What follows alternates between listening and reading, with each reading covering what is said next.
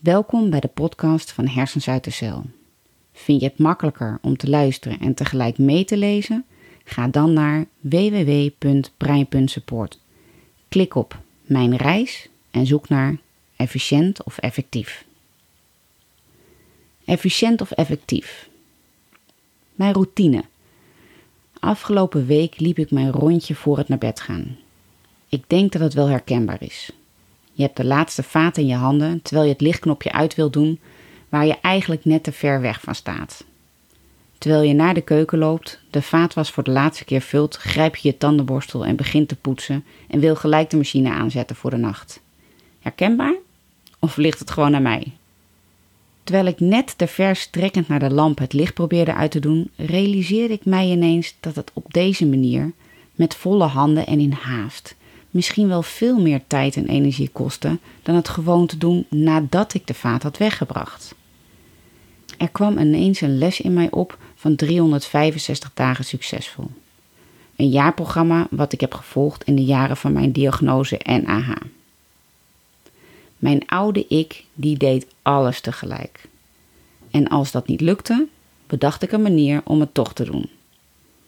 Ik was veel dingen in elkaar aan het vlechten om alles binnen de beschikbare tijd voor elkaar te krijgen. Zeker in de tijden rond de feestdagen vlocht ik alles in elkaar. Ik werd er doodmoe van en zeker niet gezelliger, maar ik dacht gewoon dat het niet anders kon. En ook na mijn Epic Week bij CFX deed ik de meest onmogelijke dingen tegelijk. Zogenaamd in het kader van multisensorische therapie, maar tanden poetsen terwijl je de vaat was uitruimt en daarna op één been te douchen is best intensief, al voor het ontbijt. Laat staan als je dat de hele dag doorvoert. Ik schreef toen ook in het grote BBB met de billen blootblog hoeveel dat mij kostte. Efficiënt.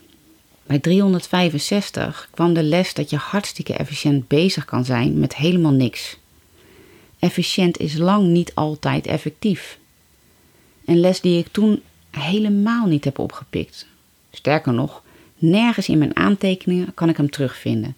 En dat terwijl ik vanwege mijn geheugenverlies echt alles wat van belang was probeerde te noteren.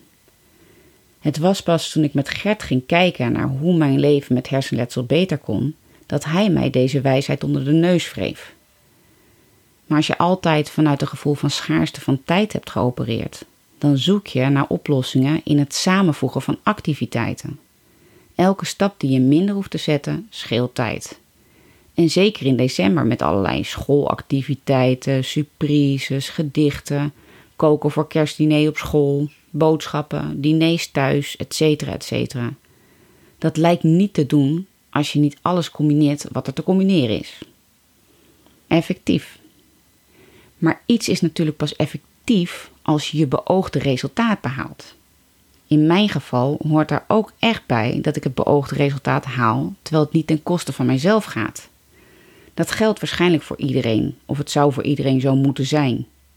In december, maar evenzo tijdens mijn laatste rondje voor het slapen gaan, heb ik er niks aan als ik mijzelf veel te moeilijk maak, enkel met de reden om maar zo snel mogelijk klaar te zijn.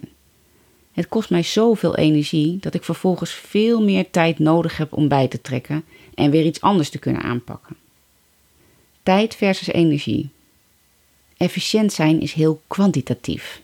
Het gaat over iets waar je tekort aan kunt hebben, kennelijk. Dat was bij mij altijd tijd.